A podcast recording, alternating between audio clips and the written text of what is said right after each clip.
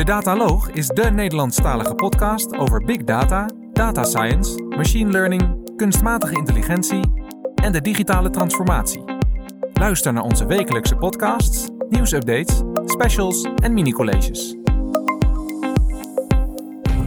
Dit is de eerste keer, Anouk, dat wij eh, met z'n tweeën een podcast doen. Ja, zeker. Wat leuk. Op de... Op de Big Data Expo in de jaarbeurs in Utrecht. En eh, het is wel weer heel erg leuk om ineens dit fysiek ook even te doen en al deze mensen hier te zien, toch? Ja, hè? en eh, jij hebt net gesproken over een heel leuk onderwerp. Over data-ethiek. Ja, Ja. Lex zijn favoriete ja, dat is mijn topic favoriete onderwerp. Ja. maar nu even niet. Nee, want we gaan door naar een heel ander onderwerp.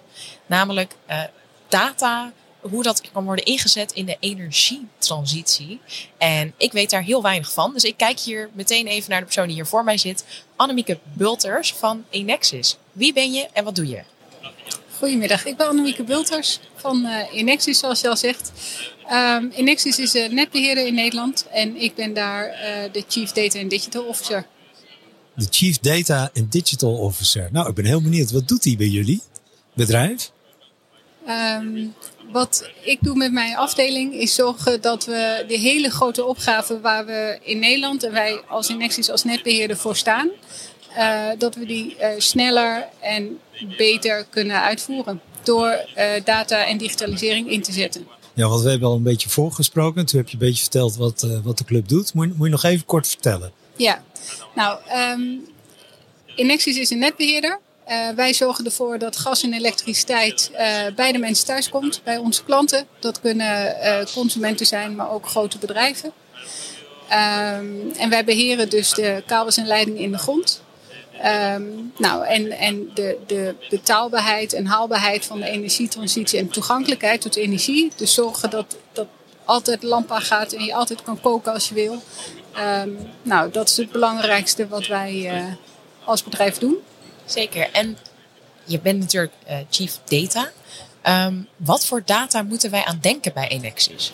Dus heel veel verschillende data. Wij hebben eh, data van onze assets.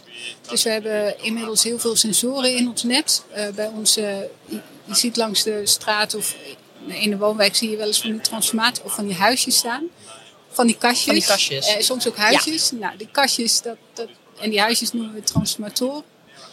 En eh, daar hebben we sensoren in zitten, zodat we kunnen monitoren wat daar eh, precies eh, gewoon gebeurt. Ehm, maar we gebruiken bijvoorbeeld ook weerdata, omdat we tegenwoordig natuurlijk veel meer te maken hebben met zonne-energie en windenergie. Is het voor ons ook heel erg van belang om te weten wat het weer is.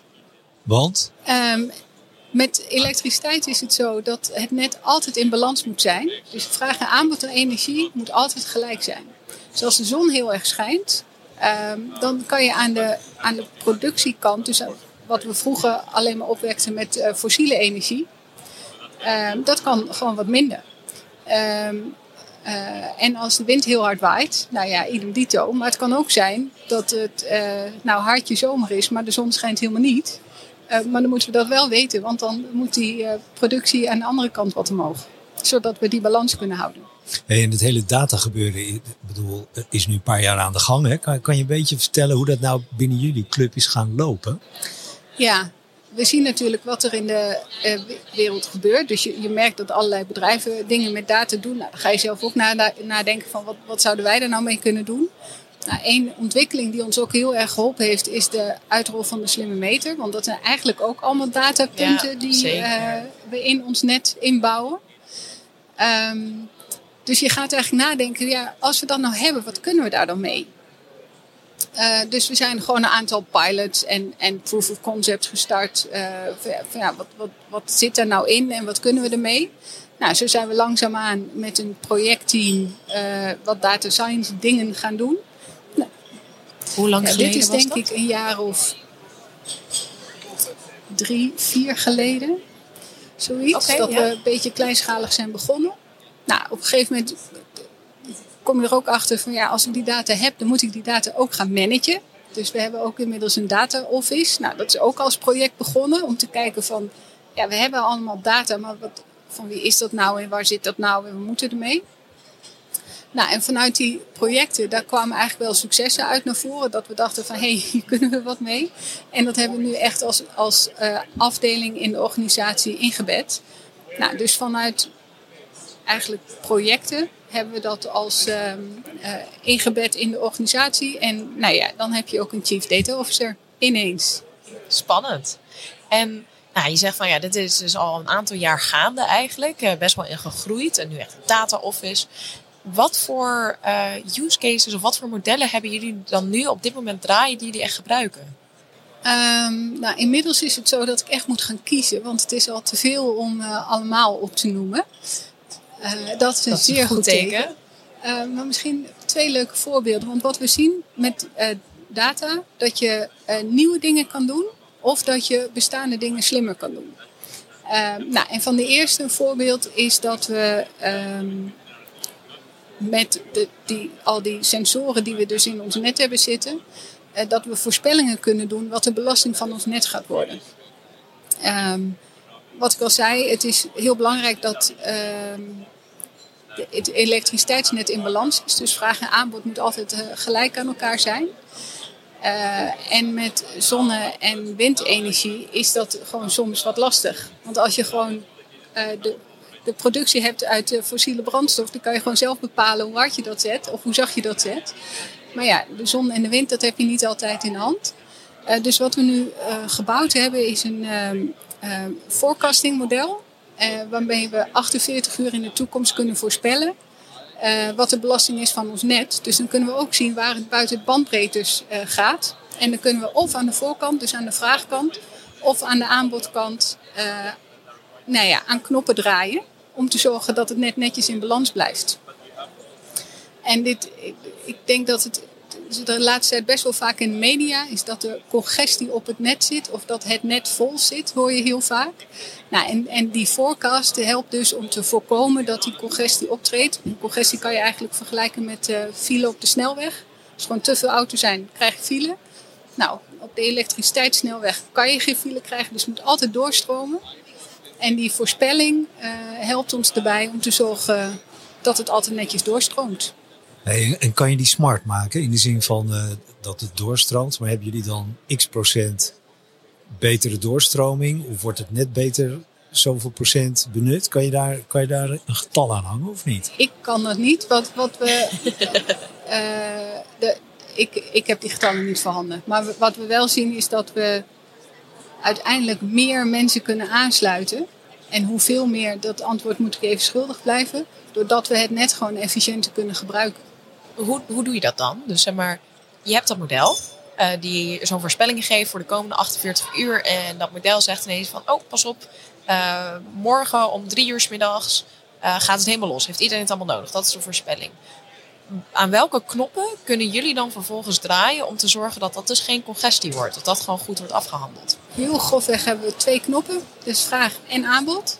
En um, dit, dit is ook echt nog wel een uh, veld wat in ontwikkeling is. En waar we ook heel erg met elkaar zeg maar, in de keten uh, aan het uh, proberen zijn hoe dit dan moet. Um, maar Eén ding wat je kan doen is aan de aanbodkant kijken. Een voorbeeld is bijvoorbeeld heel groot, stel dat de zon heel erg schijnt en er dus heel veel aanbod is aan energie, veel te veel wat je op dat moment nodig hebt, is dat je aan zo'n zonnepark vraagt om even af te schalen. Dus even de energie die door de zon wordt opgewekt, niet het net op te sturen. Nou, dan kan je die energie laten verdwijnen. Maar wat tegenwoordig ook steeds meer gebeurt, is dat zo'n zonneveld er bijvoorbeeld batterijen naast heeft staan. En dat dan overdag die energie in batterijen wordt opgeslagen. En dan s'avonds, um, als er ruimte is op het net, het net op wordt gestuurd. Dus dat is aan de aanbodkant. En uh, je kan ook aan de vraagkant kijken. En dat is niet, nog niet zo bij consumenten zoals uh, jullie en ik. Uh, maar wel bijvoorbeeld bij bedrijven dat je kan vragen of de productie wat omlaag kan. Of juist omhoog, zodat er aan de vraagkant ook wat geschakeld kan worden. Dat laatste is wel wat lastiger, want kijk, als jij een productiefabriek hebt waar allemaal mensen werken, ja. kan je niet ineens de helft van de mensen naar huis sturen. Maar er zijn wel fabrieken um, uh, waar dat gewoon wat makkelijker kan. Waar je gewoon kan zeggen, nou, we, gooien nu het volume omhoog en uh, vanavond of uh, nou, wat later het volume weer omlaag. We moeten alweer opschieten. Hè? 10 minuten gaat het snel. Ik ben heel geïnteresseerd in jullie club. Hoe kan je een beetje zeggen van... eh, wij hebben het zo ingericht met de data engineering en data science. En we gebruiken die tooling. En, eh, kan je daar wat over vertellen? Ja, ik kan hier echt uren over praten. Ja, dus nee, hoop dat je een beetje op de Dus tijd die, die let. 15 minuten gaan we niet halen, Anouk. Veel te gezellig. Maar vertel. Ehm, nou, bij, mij- bij mijn, eh, binnen mijn afdeling hebben we, ehm, heb ik eigenlijk drie teams. Dat zijn data science teams, eh, het data science team, het data office en ehm, eh, ja, wij noemen het D&D business partners. Dus data en digitaliserings business partners. Om bij de eerste te beginnen, dat data science team zijn een aantal scrum teams eh, wat met de geëigende tools eh, zorgt dat we bepaalde use cases eh, omzetten in ehm, werkbare producten. En ehm, ik denk wel een van de succes- succesfactoren daar is dat we echt heel erg samenwerken met onze klant. En dat is vaak een interne klant. die gebruik gaan maken van onze producten. Om, om echt dat, dat we echt die waardepotentie die erin zit, dat we die ook echt gaan waarmaken. En, en hoeveel data scientisten zitten er? Ja, gewetensvraag. Eh, we hebben daar nu ongeveer eh, eh, 15, 16 eh, oh, dat is mannen veel. zitten. Dat is veel. Ja. Hey, en dan ben ik Ja. ook geïnteresseerd in hoe zit die wisselwerking tussen die data scientist en de interne klanten. Want dat is altijd wel spannend. Want eh, die, eh, die scientist die zegt hè, de operatie begrijpt het niet. En de operatie die zegt die nerds die kunnen het niet. Hoe gaat het bij jullie? Nou, kijk, wat ik altijd zeg. ehm, mensen moeten vooral geen klonen van elkaar eh, worden. En we hebben sommige mensen die zijn echt onwijs goed in code kloppen. En je hebt sommige mensen die zijn eh, wat beter in die eh, mens- menselijke interactie, zou ik maar zeggen. Ja. En ehm, nou, als je zo'n scrum team ehm, de juiste mensen bij elkaar zet en zorgt dat je van alles wat hebt, dan wordt het met elkaar, wordt het dat schaap met vijf poten wat je nodig hebt. Begrijp ik nou ook goed van wat jij net zei, dat dus elk team een beetje zijn eigen tooling heeft en kan kiezen wat het beste past bij hun use case? Of hebben jullie ook echt nog organisatiebreed een bepaalde stack waar jullie mee werken? Ja, ehm, dat laatste. Dus het is niet zo, eh, dat vindt onze ICT-architect Ja, die worden niet daar zo niet vrolijk van. Nee. Joh, Die, die, die vinden Horen we ons nou al een beetje ingewikkeld. Want bij data science werken ze allemaal op MacBooks. En dat is dan weer niet wat, waar de rest de Ja. organisatie... nou, klinkt als een gewoon bedrijf van Hoek. Ja, klinkt heel herkenbaar. Dit horen we vaak genoeg. Ehm, nee, dus dat zijn, ze hebben wel bepaalde eh, privileges, zeg maar, om eh, nou, in hun omgevingen eh, te kunnen werken. Maar het is eigenlijk wel allemaal dezelfde. eh, ze gebruiken allemaal dezelfde tools en dezelfde taal. Kan je daar een klein tipje van de sluier over oplichten wat jullie gebruiken om dan uiteindelijk ja, te doen wat jullie doen om die forecastingmodellen te gebruiken? Een soort van hoe, hoe komt dat tot stand? Nou, we beginnen met eerst heel goed uitvragen van wat wil je nou eigenlijk? En wat is ook de vraag achter de vraag? Want soms krijg je een vraag en dat je denkt, ja, maar dit is niet helemaal precies wat je bedoelt. Eh, dus daar gaat best wel wat tijd in zitten om dat te begrijpen. Eh, dan heel goed kijken van ja, welke data hebben we eigenlijk, welke data willen we hiervoor gebruiken en eh, kunnen we het gebruiken, maar mogen we het ook gebruiken? Dus daar heb je ook altijd met wetgeving en zo te maken.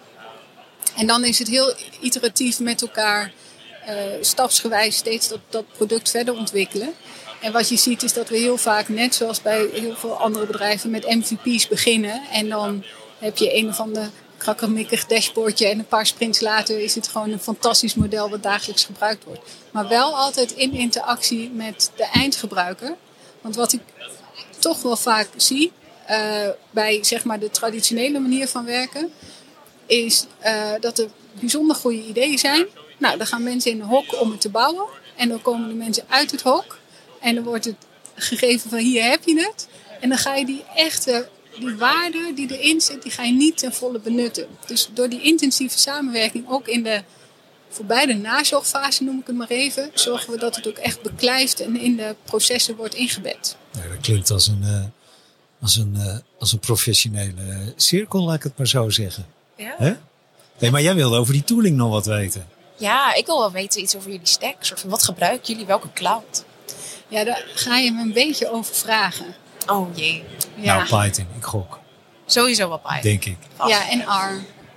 Kijk. En, hey, ehm, nou, maar dan zijn jullie wel met, met 15 man. En eh, eh, wat jij ook zegt, hè, de combinatie tussen operations en de data scientist en MVP en dan eh, groeien. Zitten jullie wel echt op een, zoals het zou moeten, laat ik het zeggen. Wij komen toch wel heel Anouk bij heel veel bedrijven dat we denken, eh, moeten we het uitleggen. Maar wanneer, dus jullie zijn in korte tijd, hebben jullie eigenlijk wel heel veel stappen gemaakt daarin. Ja, Hey, en een klein, een klein doorkijkje naar de toekomst. Wat gaat er gebeuren? Ga jij ervoor zorgen dat we genoeg gas hebben deze winter? Eh, nou, ik zorg dat het eh, gas netjes gedistribueerd wordt met mijn collega's. Eh, ja, ik wilde zeggen, we gaan nog groter groeien. Maar dat is, kijk, wat wij in het begin heel erg zagen, en dat was zelfs ook nog voordat ik er was als CDO, want we hadden nog een CDO toen die projecten zo eh, startten, is dat je, ehm, dat je echt een beetje ideeën aan het pushen bent naar de organisatie. Van hé, hey, dit is een goed idee, zullen we dit eens uitproberen? Nou, en wat we nu steeds meer gaan zien is dat mensen in de rij gaan staan van hé, hey, ik heb ook een idee, wil jij mijn idee werken? Nou, en ik, ik hoop dat die rij bij ons heel lang wordt. Dan heb je het Ja. goed gedaan. Dat is een heel goed teken. En dat we dan ook eh, op basis van die rij, dat we kunnen zeggen, ja, we hebben gewoon nog meer data scientists nodig. Want die rij moet gewoon korter, omdat we gewoon zoveel waarde aan de organisatie kunnen, toe, eh, kunnen toevoegen. Hey, en, en de laatste vraag nog. Je zei in het begin van je hebt de twee hoofdgasunie en die andere club die de elektriciteit doet. En, je, en regionaal heb je zes clubs. Kan je nou een beetje spiegelen hoe jullie doen ten opzichte van die andere vijf?